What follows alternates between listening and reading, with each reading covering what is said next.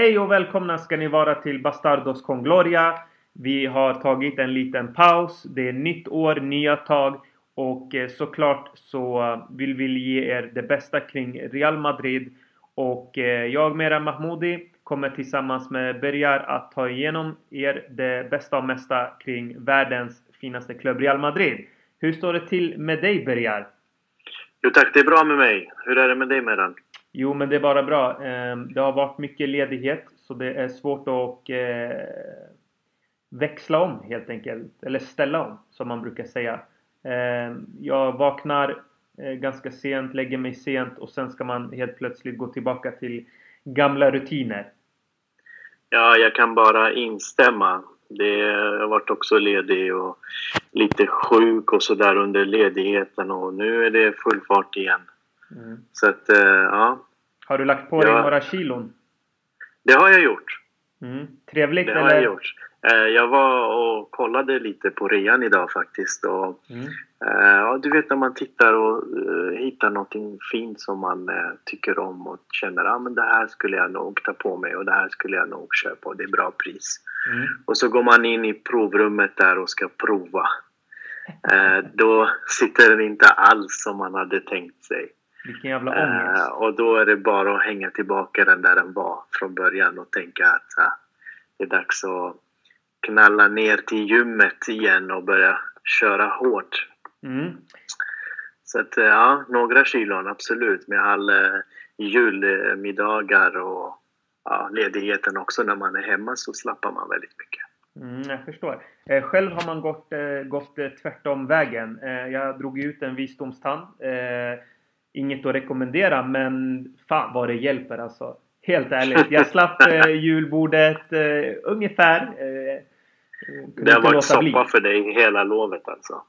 Ja, li lite, lite så faktiskt. Eh, men Bergar. Eh, yes. Nu ska vi ge oss in i 2019 Real Madrid. Men innan vi gör det tänkte jag att vi pratar lite om 2018 och eh, vad som hände. Och jag tänkte att du kunde få börja med att plocka fram lite ja, minnen från 2018. Vad stod ut? Vad var värst? Vad var jobbigast? Och vi tar det därifrån. Om vi börjar där någonstans då runt 2018. Vad, vad, vad, vad kände du? Vilka minnen tar du med dig? Mm, bra fråga. Eh, ska vi börja med de eh, sämre minnena då så att vi sparar de bästa till sist? Det låter bra. Uh, ja, jag kan ju bara direkt säga att uh, en av mina sämsta minnen var ju faktiskt uh, Leganes-matchen i Copa del Rey. Ja. den kom väldigt tidigt i februari, eller januari. ligan var lite sisådär körd. Man hade inte gett upp, men man hade en känsla av att ah, inte i år igen. sen tänkte man att ah, nu Real Madrid ska ställas mot PSG i Champions League. Eh, och just där och då kände man sig lite hopplös inför det mötet. Mm, verkligen. Men så kände man att Zizou har plockat varenda titel under två år. Det enda som saknades var en Copa del Rey. Eh, komiskt nog, eh, en, en, en turnering eller en titel som inte Real lägger så mycket tyngd på i vanliga fall. Men man ville bara fullborda liksom hans eh, titelskåp med ännu en eh, Copa del Rey som saknades då. Mm. Eh, men då åkte man eh, ut mot Leganes. Man vann första mötet eh, med 0-1 borta med reservbetonat lag.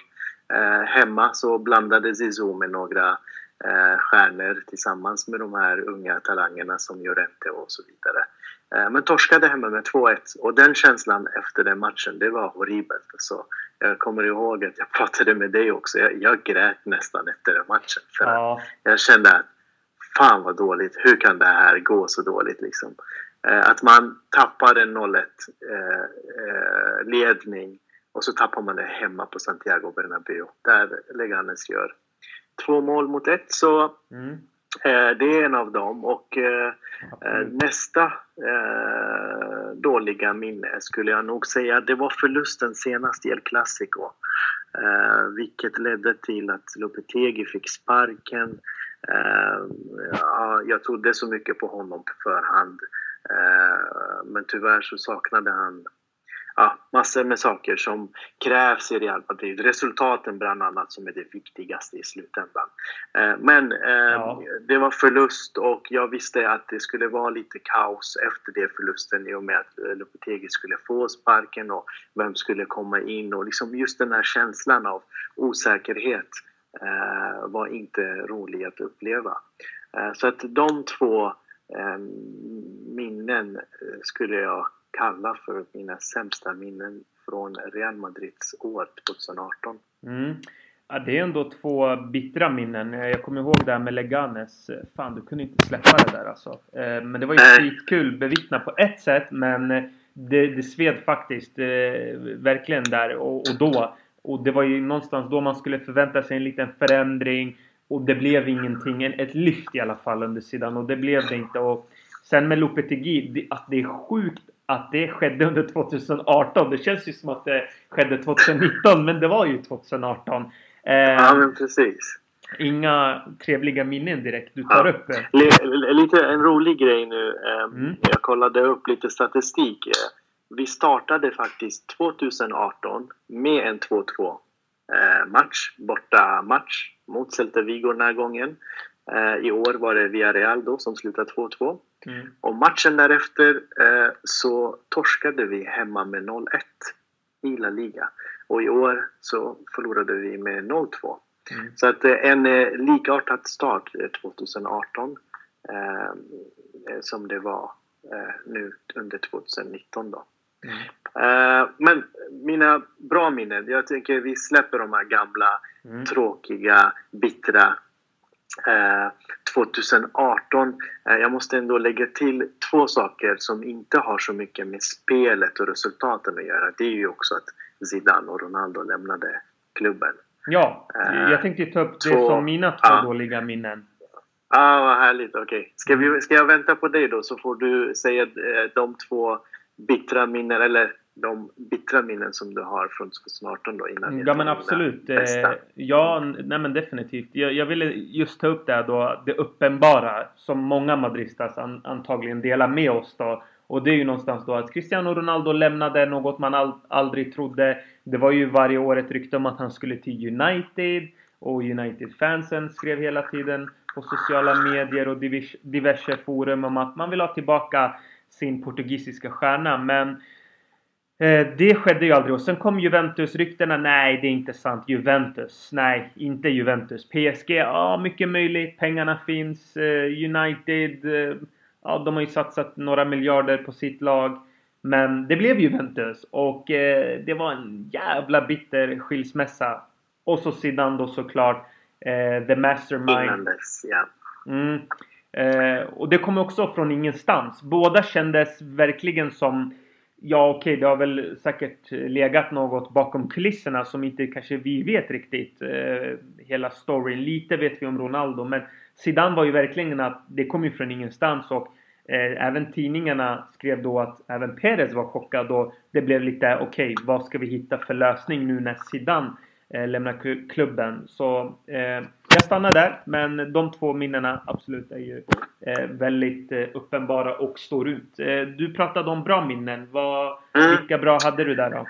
Apropå Zinedine Zidane mm. så eh, det första minnet är ju, jag har varit lite inne på det, det är PSG-matchen då i så fall. Just.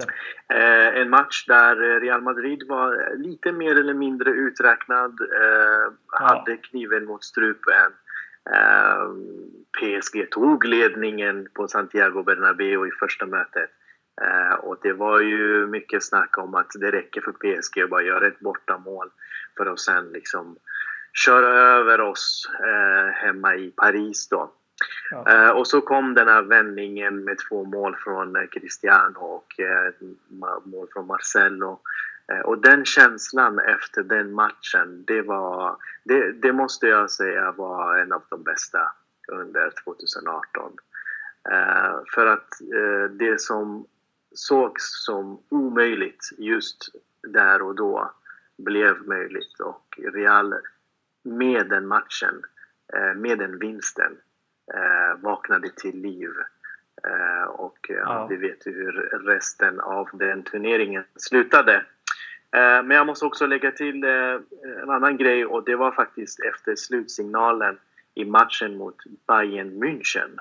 Eh, konstigt nog, jag, jag satt och tänkte på det idag när vi pratade lite om det här med minnena.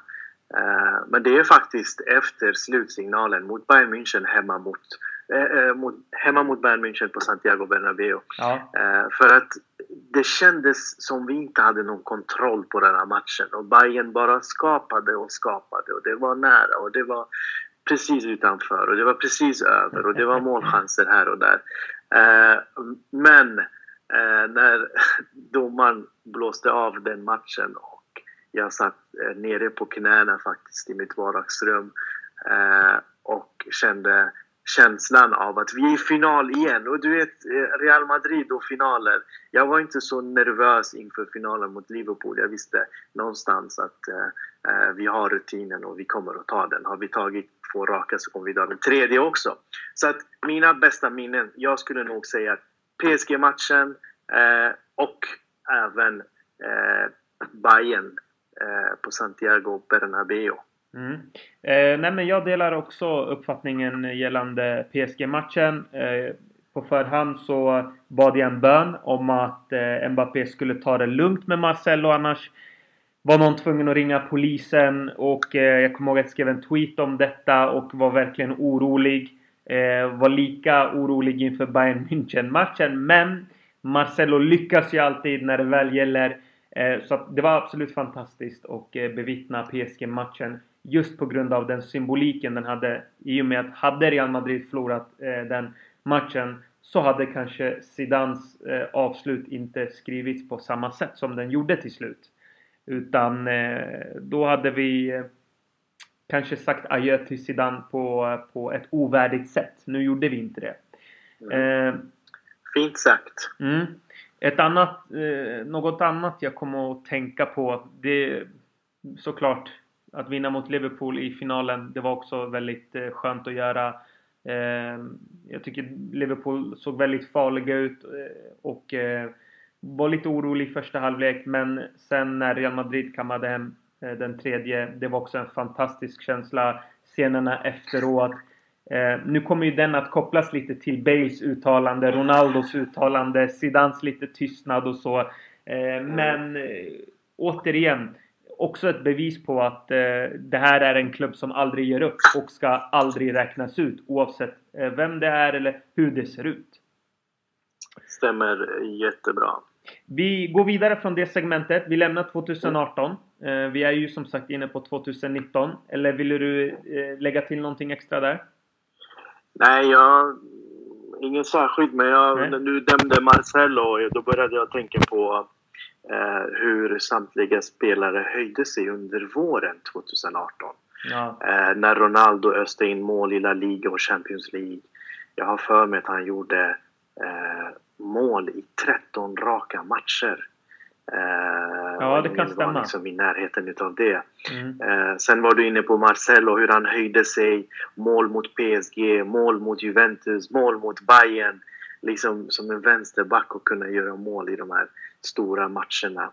Eh, Bale var i sjuk form sista två, tre månaderna och gjorde mål på allting i, i princip när han hoppade in. Gjorde mål i El Clasico. Bissakletan i finalen mot Liverpool. Uh, Benzema var där och gjorde ett par viktiga mål i semin och finalen. Modric, vilket hästjobb han gjorde på mitten. Liksom. Så att, ja, det är värt att också notera hur de här spelarna höjde sig när det väl eh, kom de här avgörande matcherna. Mm. Så nu, och, och, dessutom, nu pratar vi bara Real Madrid så vi nämner ingenting om VM och sådär. Men eh, våren var ju fantastisk eh, ja. Eh, ur mitt perspektiv som Real-supporter. Mm, ja, men tack också för att du nu påminner mig om, en, om ett bra minne. Jag, jag, känner att den får vi inte lämna och det är ju såklart eh, Cristiano Ronaldos eh, bissa mot Juventus. Eh, Mm. Out of the world. Jag kan inte fortfarande förstå hur han gjorde det för att Real Madrid var verkligen pressade eh, fram tills det målet. Och eh, nej, det var bisarrt. Det var en bisarr upplevelse. Eh, Juventus-publiken applåderar. Det här är ändå en stor klubb som applåderar och deras fans. Och Eh, ödets ja, det var, en, det var en höjdpunkt verkligen under, mm. under våren där. Sen eh, Bales bissa också. Ja, wow. Man tänkte att Ronaldos var... Du vet, eh, en, en engångsgrej och det händer aldrig igen och Real hade bara tur där och liksom Ronaldo fick till den och så kommer Bale och får in en nästan liksom identiskt i, i finalen så det var det, ja, helt mm. sjukt, sinnessjukt. Nej men mm. eh, verkligen. Eh, och ödets ironi, han lämnar till Juventus. Men som sagt, vi avslutar på ett bra sätt. Eh, det gjorde Real Madrid, det gör vi också. Eh, vi går vidare, men eh, för att stanna lite kanske på 2018 ändå. Och det är ju de här skadorna som Real Madrid har åkt på under 2018. Hela 43 skador. Det involverar 20 spelare. I praktiken skadar sig till och med du och jag börjar. Eh, det gick så pass ja. långt eh, att även du och jag drog på oss en ljumske eh, eller vadbrist här och där. Och 2019 börjar ju inte heller på något sätt bättre. Utan det är ju skador höger till vänster. Vi behöver inte gå in i massa konspirationsteorier eller älta för mycket i det här ämnet. Jag vill bara fråga dig, är det här en slump? Eller har det med att eh, Dr. Olmo lämnade och eh, han hade inte, ett bra, han hade inte en bra relation med spelarna och Sen ledde det till någonting värre. Eller, eh, för vi har ju också en fyscoach som kanske inte många känner till som lyssnar på den här podden och det är ju Pintus och han har ju fått verkligen eh, erkännande och eh, har ju lagt upp väldigt mycket kring Real Madrid. Nu använder inte Lopetegui honom väldigt mycket vad jag har förstått men det är Solari. Inte alls. Nej, inte alls. Men Lopetegui använde honom inte alls. Han hade en egen mm fystränare då. Mm. Eh, ja, det är eh, både och. Slump och lite, eh, lite vårt eget fel, så att säga. För att Real har haft två typer av tränare. Det ena var Luptegi som hade sin liksom, coaching staff runt omkring sin egen fysträning och mycket kvadraten och mycket boll och, och så vidare under försäsongen. Eh, och sen eh, har vi fått in Solari nu som har tagit tillbaks Pintus som också är en, en gammaldags fystränare som eh, eh, lägger mycket tyngd på löpningar och backe och liksom det ena och det andra. Så att ändringen av träningsformen gör ju också att de här spelarna eh, och, eh, råkar ut för, för, för de här för de här mm. skadorna. Sen har de ju matchbelastats ganska mycket. Eh, när ena skadas så finns det inte en riktig ersättare eh, och eh, då matchbelastas de väldigt mycket och det gör ju att plus den hårda träningen eh, att det blir bristningar här och där. Eh, sen måste jag också lägga till att just nu på slutet så har ju Solari och Pintus också haft eh, en liten kort mini-försäsong igen. Eh, där spelarna eh, efter Lopetegis avgång eh, fått kliva in i de här gamla rutinerna som Zidane hade med Pintus som fystränare. Och de har liksom kört igång det här nu i ett par månader. Och det gör ju också att det går lite trögt för Real Madrid. De här spelarna är ju i någon sorts försäsongsfas om man säger så, om man kallar det så. Det är egentligen inte så. Men de Nej. tränar ju till exempel nu under jullovet. Eh, när de väl kom igång så hade de dubbla pass eh, för att kunna komma igång. Och det här mm. kommer ju fortgå en bit in i januari också eh, innan eh, Champions League-matcherna börjar och där börjar de liksom eh, där ska de vara i form. Där ska mm. liksom Real Madrid-spelarna vara laddade inför resten av våren. Mm. Eh, så att träningsformerna den har ändrats eh, under eh, säsongens gång. Det, det, måste spela någon roll. Och sen att spelare är borta och andra belastas. Till exempel eh, när var det Benzema fick en vila. Eh, Asensio har varit borta så att Bale har ju fått spela match efter match och så vidare. Så att eh, Modric eh, eh, blir ju visserligen utbytt lite då och då men han har ju inte heller haft någon ersättare. Ramos, Varan, Nacho har varit borta, Vallejo har varit skadad så de har varit tvungna att liksom köra match in match ut. Och det finns ju en risk för att de skadas. Så tack och lov så är Nacho tillbaka nu så att vi kan avlasta och förhoppningsvis är Asensio, Mariano och några till på ingång också så att eh, mm. det lastar, eh, avlastar lite. Mm. Så med andra ord, det är ingen konspiration utan det är så det kan se ut i klubbar och Real Madrid har kanske haft mer, mer otur än någonting annat att spelare skadar sig. Vi vet att Bale är ju ett säkert kort på, på, på, på sjukhusbänken. Men eh, alla andra, ja, ja det är sånt som händer i, i andra klubbar också. Helt enkelt. Frågan är om inte Vallejo har liksom gått om Bale nu. Ja, de två tävlar. Och liksom toppar den här listan. Mm, verkligen. Eh, Tragiskt. Han syns knappt till. Ja, mm. men så är det. Okej, okay, vi går vidare från mm. den punkten. Som sagt, vi får hoppas på ett bättre 2019 vad gäller den fronten.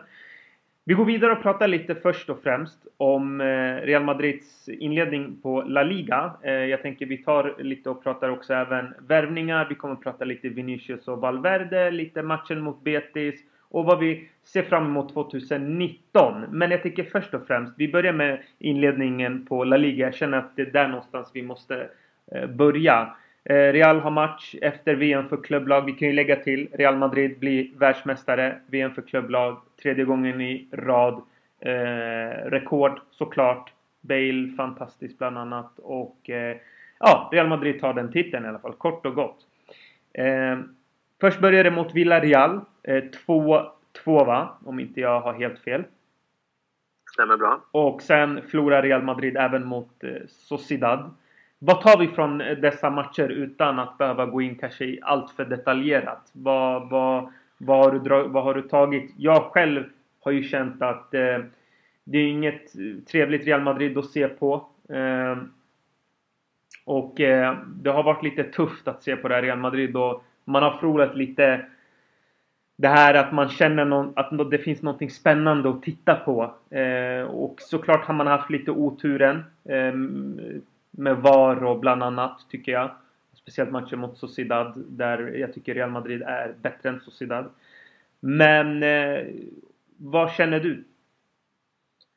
Eh, man kan ju säga så här att eh, Real har eh, knappast agerat som världens bästa lag under de här två inledande matcherna. Vi pratade om att de lyfte VM för klubblag pokalen för inte så länge sedan.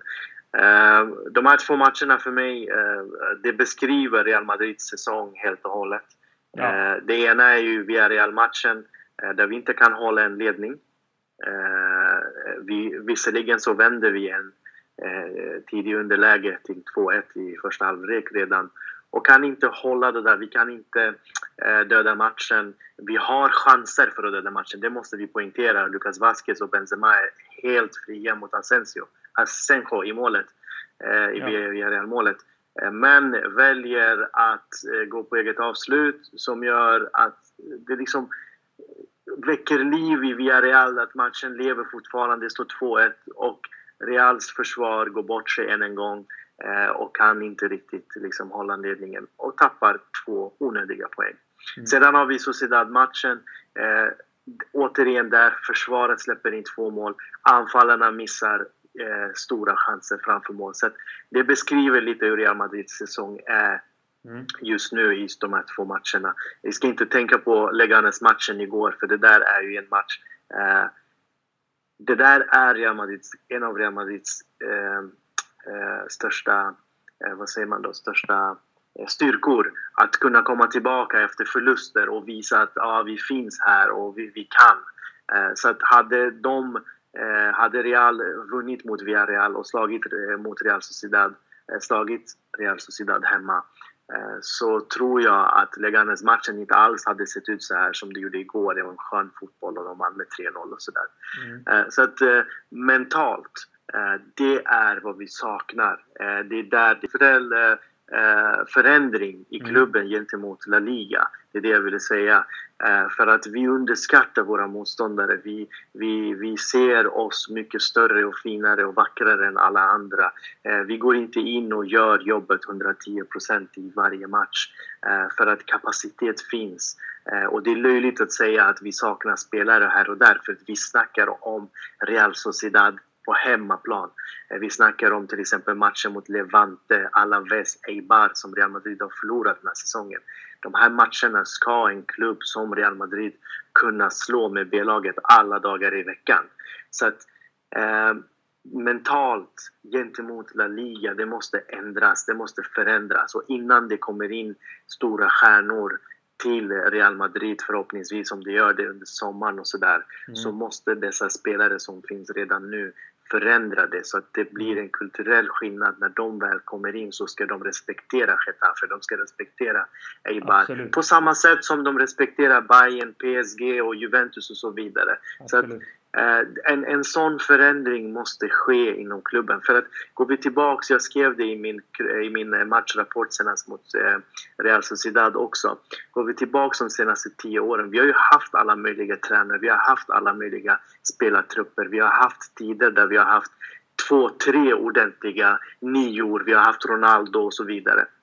Men det har fortfarande inte funkat. Det har fortfarande liksom haltat till La Liga och så vidare. Och det är ju en av de eh, anledningarna till varför det har gått så dåligt. Tittar vi på Zizous eh, eh, senaste vinst i La Liga för två år sedan, vad gjorde han inte? Jo, eller vad gjorde han? Jo, eh, under våren främst, mycket under hösten också, ja. eh, så roterade han så att han hade en mer B-lagsbetonad eh, uppställning när han mötte lag som Gijon, Granada och så vidare, Deportivo. Ja. För att de här hungriga spelarna ska spela, de ska liksom respektera sina motståndare, de ska gå ja. dit och göra jobbet helt hundra. Eh, samma sak, eh, eh, det blir ju en moteffekt också för att kommer du som Real Madrid och startar med Lucas Vasquez och Asensio på topp ja. eh, och du ska möta dem så blir det ju skillnad om du skulle komma med Bale, Benzema och Ronaldo. Mm. Automatiskt, det blir ju en, liksom, en helt annan glöd i motståndarna när de möter ett liksom, stjärnbetonat Real Madrid. Så att eh, mentalt måste det här förändras helt och hållet och starten måste ske redan nu under våren för att så småningom kunna få en bra start under eh, nästa säsong. Mm, absolut. Jag delar också den uppfattningen om att jag tror också att det sitter lite djupare än att man ska titta på spelare och tränare. Eh, det går upp till ledningsnivå tycker jag. Men också att det måste förändras eh, ett DNA i klubben där man måste eh, hitta en, en ödmjukhet. Tittar man på rivalerna Barcelona så spelar det ingen roll att det är Getafe. Suarez skjuter den ändå rakt upp i krysset och Messi kommer fortfarande leverera mot Leganes och Eibar och, och ta den matchen ta matchen eh, på, på ett seriöst sätt. Det handlar om seriositet. Eh, ingenting att det här eh, handlar om eh, kvalitet. Alltså, ja, Messi är ju en, en, av de bästa spelarna i världen, men om vi pratar resten av Barcelona, där levererar spelarna på en, på en jämn basis och det är någonstans där Real Madrid också måste landa och det också eh, får mig in och får mig att gå in då på den här diskussionen om att ja, men hade vi haft kvar Lopetegui nu så hade det ju sett bättre ut. Jag förstår mig inte på de Madrid-supporterna som pratar i de termerna. Det såg inte bra ut under Lopetegui. Jag vet inte om ni tittade på Real Madrid. Eh, ja, det fanns lite fler eh, mönster och eh, ja, eh, mer eh, riktlinjer i Lopetegui än kanske hos Solari. Men faktum kvarstår att det är inte eh, etablerade lag Real Madrid förlorar mot. Real Madrid, som du säger, har tillräckligt med bra spelare för att man ska kunna även slå de här lagen. Eh, och vissa menar då att ja, men Real Madrid och de här grabbarna är mätta. Ja, absolut. Det finns en mättnadsnivå. Men det har även sett ut så andra år där Real Madrid inte har varit mätta. Det handlar om att ta ligan seriöst. Att man måste vända blad och tänka okej, okay, bara för att det inte är Champions League så kan vi inte leverera. Det funkar inte så. Måste man spela Champions League-låten varje La Liga-match för att de här spelarna ska leverera det funkar inte riktigt så. så jag... nej, nej, precis. Men det är ju lite så. För att bara lite snabbt om man går tillbaka. Ja. Eh, jag har absolut ingenting emot Pellegrinis La Liga-säsong där han gör, tar 90, 92 poäng och förlorar. Eh, för där i princip, då kör de över varenda lag. De förlorar både Clasico. Ja. ja, det svider att förlora i Clasico, men de räckte inte till mot stora klubbar så att säga. Eh, tar vi Mourinhos första och andra år, samma sak. De tar massvis med poäng. Andra året så vinner de La Liga, tar 100 poäng. Men tredje året, vad händer då? Jo, helt plötsligt så hamnar Real Madrid 17-18 poäng efter Barca. Det blir förluster hemma mot Gijon, det blir eh, förluster här och där. Tar vi Ancelottis bägge år i La Liga Eh, ena, man kommer trea precis bakom Barca och Atletico. Eh, ett år där man inte kan säga att Real Madrid-spelarna var mätta, för det var det året de vann Champions League. Det var deras Borde första Champions League. Borde ha vunnit ligan. Ja. Andra året, ah, jag tror inte de blev jättemätta direkt efter Champions League-titeln utan eh, eh, de gick in för det. Allting såg jättebra ut fram till januari, sen tappade de allting. Eh, sen kommer Zidane, eller sen kommer Benitez starta lite hackigt där också. Zidane tar över. Visserligen så ser det lite bättre ut ett, ett och ett halvt år. De vinner Champions League. Sen kommer Zidans tredje år. Katastrofalt också om vi ska tänka på hur eh, ligamässigt hur vi såg ut den här tiden. Eh, förra året i januari, februari där vi låg 17-18 poäng efter. Så att det är någonting som är fel. Det är någonting som inte stämmer. Eh, visst, eh, många påstår ju att vi behöver en en, en, en, liksom, en målgörare i flow eller kanske flera målgörare som vinner matcher åt oss. Ja, det stämmer jättebra. Men vi har haft de typen av målgörare också. Men ändå inte lyckats leverera. Så att eh, eh, det måste, det kommer från ledningen, det måste göra. Eh, vi får inte glömma varenda storspelare som har handlats in i Real Madrid när det gäller Bale, när det var Ronaldo, Kaká och så vidare. Det första man har sagt är att grattis, du har kommit till världens bästa klubb. Champions Leagues mästare, mästare. Du ska nu, du har nu i uppgift att vinna nästa Champions League åt Real Madrid. Det är aldrig något tal om La Liga, det är aldrig något tal om eh, Copa del Rey och så vidare. Så att det är alltid Champions League på alla Reals eh, läppar, liksom alla ledningens läppar och så vidare. Så att, eh, det är normalt att det, det, det i, i, sin tur sprider sig på spelarna och det sitter någonstans i bakhuvudet att ah, men, vänta nu, en, en, en söndag morgon borta mot Eibar, vad fan ska jag göra i den här matchen? Jag väntar till februari när vi möter Eh, PSG och Bayern och så vidare innan jag levererar. Så mm. mentalt, spelarna kanske inte går in. Det är, alltså, det är fel också att säga att de går in med fel inställning. Man hör ju varenda tränare säga att ja, spelarna gör sitt yttersta, de går aldrig in med fel inställning och så vidare. De har rätt, de går inte in med fel inställning, men det sitter någonstans i bakhuvudet. Så enkelt är det. De tar inte matchen eh, på yttersta allvar för att kunna eh, vinna. För både du och jag och alla andra vet om Real Madrid verkligen, verkligen växlar upp och spelar fotboll som de ska göra så kan de slå i princip vilket lag som helst i La Liga. Ja. Men det måste de kunna få in så att de kan göra det Absolut. vecka in och vecka ut. Mm. Ja, nej men jag tycker vi sätter eh, punkt där helt enkelt. Vi tar inte med oss så väldigt mycket. Utan vi har pratat om att det ligger på, eh, det, det på, på, ett djupare plan. Eh, det, det, är någonting som måste, ja hur ska man säga, inte åtgärdas men det behövs någon, någon, någon ny vind. Eh, någon frisk, en frisk fläkt helt enkelt.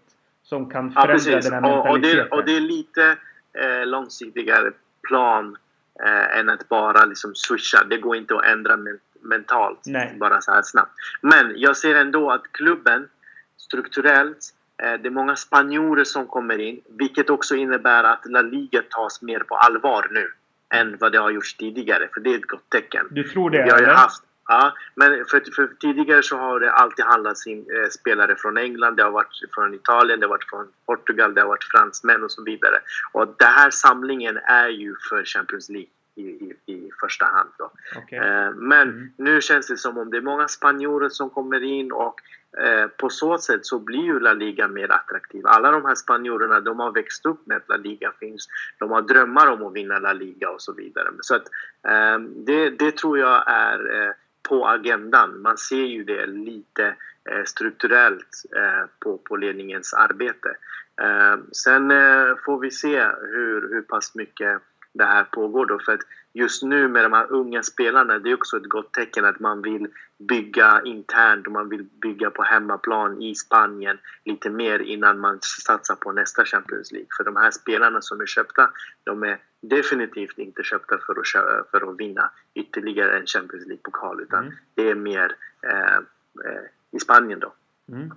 Absolut. Vi går vidare och eh, pratar mm. lite positivare eller ja, att vi blir lite mer gladare. För det, det, det bubblar i mig. Eh, Real Madrid okay. eh, har gått eh, hur dåligt som helst. Eh, jag skrev på Twitter att eh, en nål i ögat är lite skönare än att titta på Real Madrid.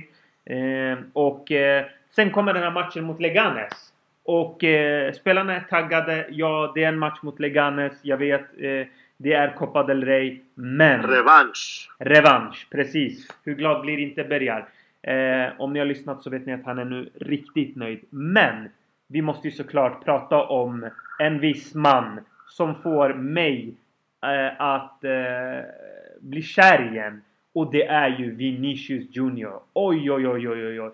Eh, du och jag hade lite snack om Vinicius inför säsongen och både du och jag delade den eh, uppfattningen om att det här är ett barn som behöver få sin tid innan han anpassar sig. Vi ser att han saknar sista tredjedelen. Vi ser att han saknar den där sista touchen. Ehm, eh, ja, att han ska bli sammanspelt med, eh, samspelt med de andra eh, spelarna. Men matchen mot Leganes. Vilken tändning och utmanar gång på gång. Släpper boll vid rätt tillfälle. Jag kunde väl ha eh, kanske släppt bollen eh, lite snabbare, lite här och där och någon touch som inte kanske satt. Men gör ett pangmål, gör assist, är ett konstant hot. Leganes visste inte vad de skulle göra på den kanten. Eh, och det gjorde ju att eh, till och med att Odrizola och Vasquez eh, hade fest på sin kant i och med att de fokuserade på vad Vinicius gjorde. Ja, du och jag måste väl ändå ja, vi får väl äta lite våra ord. Tycker jag ändå. För att vi, vi, visst, vi sa att det fanns ju kvalitet men seriöst, trodde ja. du att han skulle växla upp så snabbt? Det trodde inte jag. Jag säger ärligt. Nej. Men vi får ändå tänka på att det vi sa, det var för nästan eh, fem månader sedan. Så ja, det, har ju, det har ju gått lite tid också. Han har ju haft eh, tid med både Castilla, han har haft eh, två tränare. Han har ju tränat med de här spelarna vecka in, dag in, dag ut, vecka in, vecka ut. Eh, så att eh, visst, det har ju skett en förändring. Fortfarande så syns det ju på att eh, det här är en stor talang. Det är en... Eh, eh, ledningen skulle aldrig lägga de där pengarna om de verkligen inte hade scoutat och visste att det här skulle bli en stor världsstjärna med rätt eh, vägledning och så. Så att man ser ju tendens på hans talang och allt det där. Eh, du pratar om försvarare. Ja, det, han håller ju alla försvarare ur balans med sina överstegsfinter och rörelser och sådär. Men frågan är, är han redo till exempel för att möta Barca i 90 minuter? Är han mm. redo för att möta eh, st större motstånd? Eh, det jag är glad över det är att han får chansen av Solari. Mm. Eh, Lopetegi var inte så eh, lika generös. Eh, vilket jag också förstår för han var ju ny. Han var ju en valp och han är fortfarande en valp i mina ögon. Men satan vilken eh, eh talang, vilken, vilka fötter. Och vad glad jag blir av att Real Madrid lyckades knyta, knyta sig an Vinicius Junior fastän alla Europas elitklubbar var efter honom och mm. vi kom Verkligen. vinnande ur det här racet. Så att, äh, ja, och ja. det får mig också börja tänka, hmm, ska vi nu äh, börja värva in spelare helt plötsligt och liksom dämpa ner hans utveckling lite grann eller ska vi låta honom bara få chansen? Låt han skjuta sneda skott, låt han testa från distans, låt han göra felpassningar men han lär sig utav det. Så att eh, det här är ju ypperlig chans för Vinicius Junior, för Brahim Diaz, för de här unga spelarna, Valverde och så vidare. Att det är en tränare som Solari som ger dem chansen eh, och eh, nu när säsongen, ligasäsongen framför allt, ser lite eh, eh, mörkare ut än vad, vad det borde ha gjort. Mm. Eh, så är det ändå ljust att vi får se de här talangerna få minuter och att de levererar också.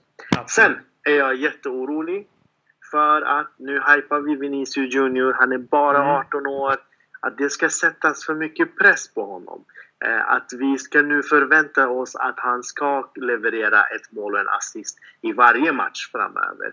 Och jag vet ju att till och med de här stora stjärnorna hamnar i, i vad heter det, någon sorts eh, eh, svack, några svackor liksom mm. under säsongen. Och frågan är hur han kan hantera just de bitarna. Och så där. så det är det du och jag diskuterade i augusti, att han fortfarande är valp, han måste lära sig och så vidare. Absolut. Men jag tror inte att vi hade någon eh, eh, någon, någon, det, det, var inget snack om hans talang och hur bra han skulle kunna bli. Mm. Mm, absolut. Nej men som sagt, eh, jag tycker han är fantastisk och eh, ja, jag håller med. Man, man, ska, man ska vara försiktig med att, eh, man, att man inte kanske att det blir för stor press på honom. Men fan vad bra han spelar och det känns härligt att eh, det är just Real Madrid som har Vinicius. Eh, vi går vidare från Vinicius eh, och eh, jag tänker att vi skulle då prata lite om eh, värvningarna. Men jag vill också nämna Valverde. Vilken fantastisk spelare. Jag tycker att han är fantastisk.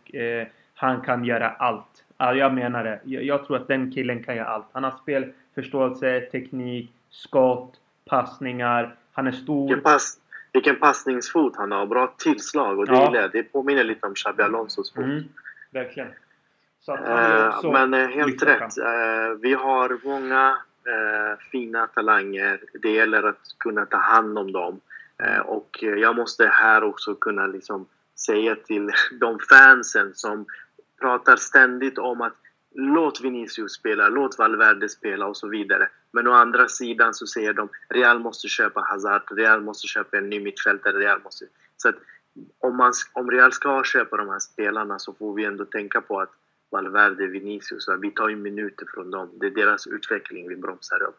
Mm. Uh, så att, uh, ja, för självklart så vi behöver vi hoppa i sommar. Uh, men vi får in, det får inte bli på, det, på de här unga spelarnas bekostnad, för de här ska kunna få sin chans. Tyvärr så skulle Vinicius växa upp under Ronaldos vingar, men det blev ju inte så. Det var lite tanken av, av ledningen att han ska komma ett år nu och och få, få växa upp under mm. Ronaldos vingar. Vi får inte heller glömma att eh, inte bara Vinicius, det är en Rodrigo som väntar också, ytterligare talang. Så eh, det är ett stort jobb ledningen ändå gör i det här tysta och jag tror att vi fans kommer att uppskatta det där om ett par år. Mm. Vi får hoppas det. Vi håller tummarna. Som sagt, bra match mot Leganes och eh, eh det var härligt att känna lite, ja att det kittlade lite Eh, i kroppen när man tittar ja, på den matchen? De, de få fansen som var där, jag har en vän som var där och kollade på matchen, han sa att nästan att eh, man började resa sig upp från sin eh, sitt plats när Vinicius fick bollen. Och det var länge sedan en 18-åring kunde liksom imponera så pass mycket på Santiago Bernabéu. Jag minns inte senast, jag läste på Marca att det var Raúl senast. Men jag tror inte ens Raúl liksom hade de här vibbarna när han verkligen fick bollen som en 17-18-åring. Så mm. det, var, det, var, ja, ja, det var jättelänge sedan. Mm. Absolut. Eh, jag tänkte bara att vi går vidare och pratar lite då om eh, värvningarna. Eh, yes. Som många pratar om. Och jag tycker vi behöver inte gå in så mycket in på det. Vi har ju nämnt att Icardi, Hazard bland annat att de kanske ansluter sig till klubben. Men som sagt jag tror att vi ska avvakta lite med värvningar och så vidare i och med att det blir så mycket snack och det är ju många talangfulla spelare i Real Madrid. Men jag ställer ändå frågan till dig. Finns det någon som du vill se i Real Madrid redan i januari? Det är klart det finns många jag skulle vilja se redan nu. Men är det möjligt?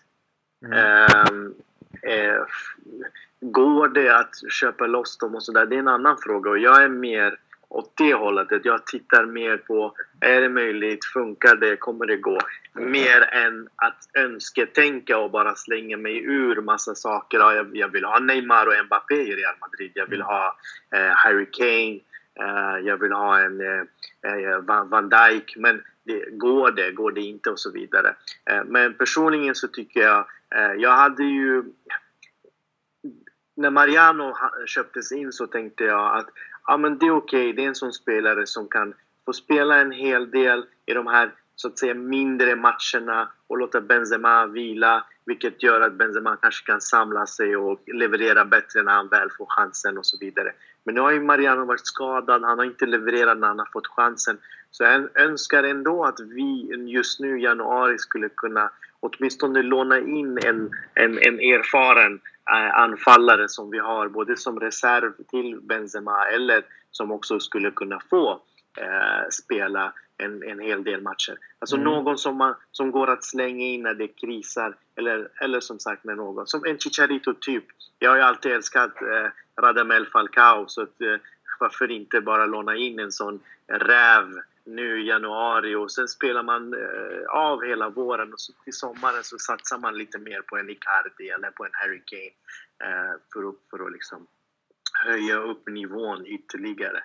Mm. Eh, så att, ja, jag tycker att vi saknar målgörare i truppen och det hjälper inte att kasta bort till exempel Mariano och hämta in en annan för det, då är vi utan vi blir av med en och så ersätter vi med någon annan så då är vi plus minus noll. Eller att vi tar bort Benzema och ersätter det med Icardi och så vidare. Jag skulle helst vilja se Icardi, Benzema och till exempel Mariano i truppen. Alltså, så ha en, en, en sån bredd. Eh, och det tycker jag är, är, viktigt om man verkligen vill satsa på La Liga. Att man har mm. två, minst två världsanfallare plus en till, en tredje. En Morata som vi hade eh, för två säsonger sedan. Ehm, så att, eh, ja. Eh, mm. En, en, en rutinerad anfallare om det finns någon eh, för att kunna plocka in just nu i läget. För jag tror inte det går att köpa loss Icardi eller Kane och så vidare. Och det är ingen idé att, att göra någon, vad heter det, någon typ av desperata köp nu i januari bara för att vända på steken för det, det är lite för sent för det. Så en, en Chicharito eller en Falcao eller någon som, som kan bara komma in och vara i straffområdet och peta in ett par bollar här och där. Jag håller eh, också med där. Eh, såklart vill jag också se spelare. Jag har ju länge pratat om att den här truppen behöver en generationsväxling, behöver, det behöver växlas ut några spelare och det behövs etablerade spelare. Det är såklart bra att det finns talanger men man måste också kombinera det här med eh, spelare som kan faktiskt ge någonting och ha lite status bakom sig. Men realistiskt, vad är realistiskt? Jo, det är väl inte så realistiskt att både Hazard och Icardi lämnar sina klubbar när deras klubbar sitter och kämpar och tävlar och konkurrerar om olika platser till Europa. Eh, bland annat. Så att som du säger, någon, någon oväntad som Chicharito eller Falcao, absolut. Det, det kan jag också köpa. Alltså det är bara två namn som jag slänger ja, nej, men absolut. Det var men, bra. Det var... Eh, någon som kan åtminstone ge Benzema mm. konkurrens på allvar. För jag tycker inte att eh, Mariano är tillräckligt bra för att kunna peta honom. Eh, så att någon som kan verkligen, någon som har någon bakgrund. Eh, och jag nämnde Falcao för att han är ju en sån typ av spelare. Mm. Visserligen, nu, nu vet jag inte hur det går för honom i Monaco så där om han är skadedrabbad eller så. Men det skulle vara skönt att känna att mot Real Sociedad till exempel när vi ligger under med 0-2. Vi, vi, slänger in en Isco på mittfältet som kladdar på bollen och vi har ingen liksom framåt som vi kan slänga in, in i straffområdet eh, liksom, eh, för, för, att försöka eh, göra något vettigt utav bytena. Utan, mm. ja, vi, vi fastnar lite där. Absolut. Eh, bra, bra insyn och argument måste jag säga. Eh, jag tänkte inte på de spelarna men det är några faktiskt som skulle kunna locka eh, och kunna komma till Real Madrid och förändra. Eh, vi går vidare eh, till eh, programmets sista eh, punkt och det är matchen mot Real Betis. Eh, nu på söndag. Eh, den här podden spelas in på fredag så att ni vet om det. Eh, Betis borta 20.45 och jag skrattar för att det är Real Betis och eh, fan vad de älskar att slå Real Madrid och Ja, de älskar ju att vrida upp tempot. Eh, den där arenan kommer ju koka vid minsta lilla eh, domarbeslut eh, och sekvens. Och det är ju Hernandez Hernandez som dömer matchen. Ja, det är ju inte heller så kul. Men Bergar, vad förväntar du dig på söndag? Vad tror du? Kommer Real Madrid komma oskadda ur det här? Vad måste man göra? Är det matcha intensitet? Vad, vad tror du? Det är i Real Madrids händer, ska jag säga. Ja. Det är upp till Real Madrid vad de vill göra borta mm. i Sevilla mm. mot Betis. Uh, om de går in med samma inställning som de hade senast mot Real Sociedad och Villarreal så åker vi på poängförlust, 100 procent. Ja. Går vi in med en inställning som vi hade bland annat mot Leganes nu, att man vill verkligen gå ut och kriga. Det var någon som sa, jag kommer inte ihåg vilken av spelarna det var, som sa att vi var arga för förlusterna senast och vi ville visa på plan vad vi går för. Det är den känslan man ska ha för att när Real Betis står emot Real Madrid, det kommer inte bli någon gullegull. Eh, det kommer att vara full fart framåt. De här spelarna vill ta sönder Real Madrid. De vill verkligen vinna. De vill vinna mot ett Real som har vunnit tre raka Champions League, som har precis vunnit VM för klubblag. De gör allt de kan för att kunna vinna.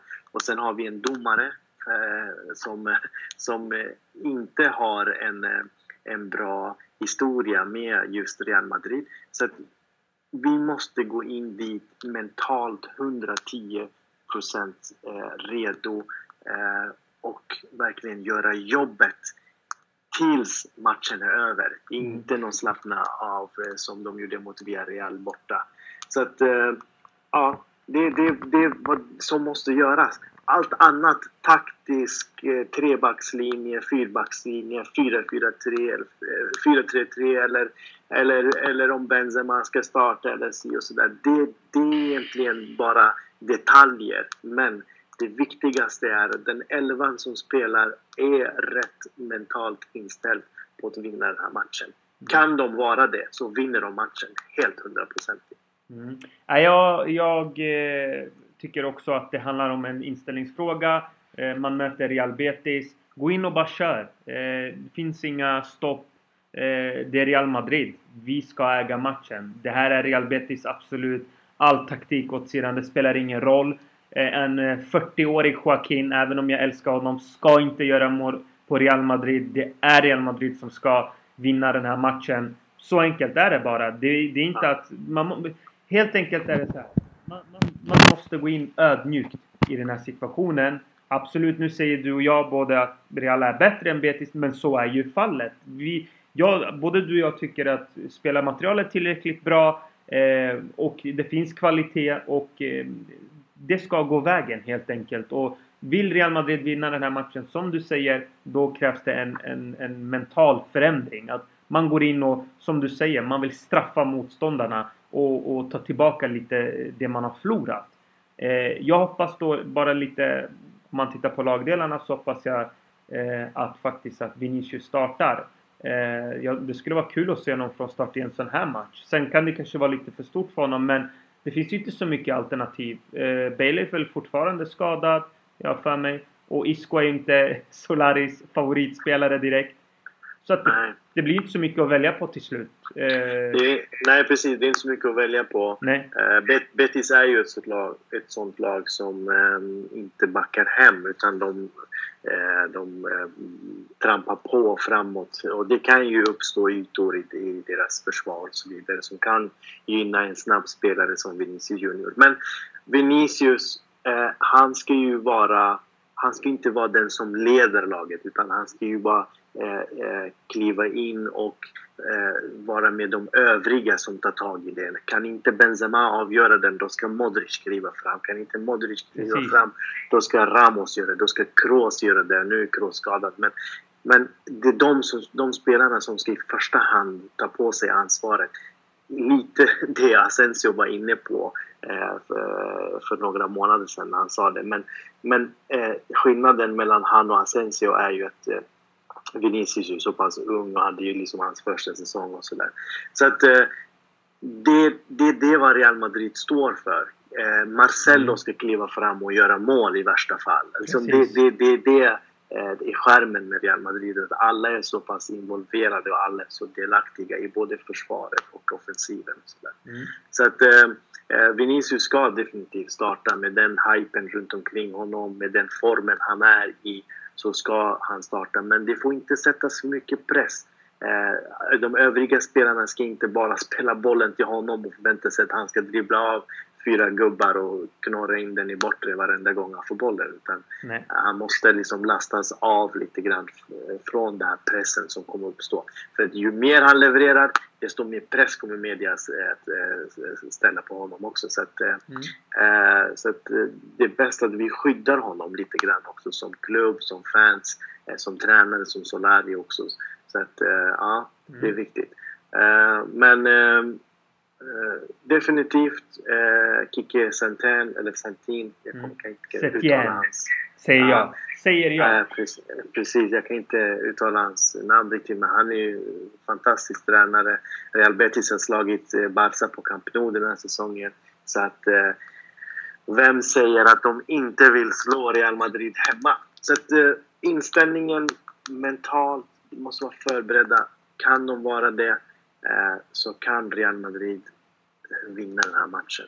Mm. Uh, Ceballos kommer ju tillbaks till, till sin gamla lag. Eh, och se om han får starta istället för Kroos, för nu är Kroos skadad. Så det är en frågetecken vem som startar bredvid Casemiro och Modric. Mm.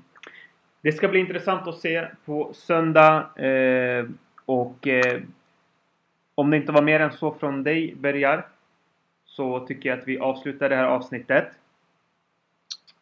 Jättebra. Mm. Det var allt från mig och eh.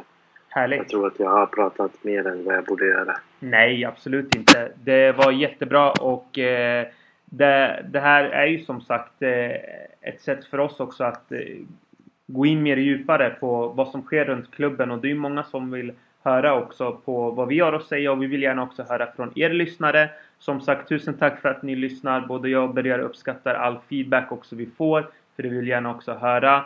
Eh, tusen tack! Dela det här avsnittet, likea, gör allt det där goda. Och eh, vi hörs på återseende. Adios mina vänner!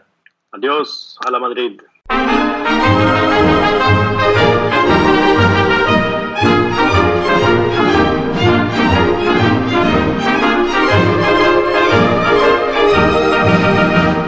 Las glorias deportivas que campean por España va el Madrid con su bandera, limpia y blanca que no empaña, club castizo y generoso, todo nervio y corazón.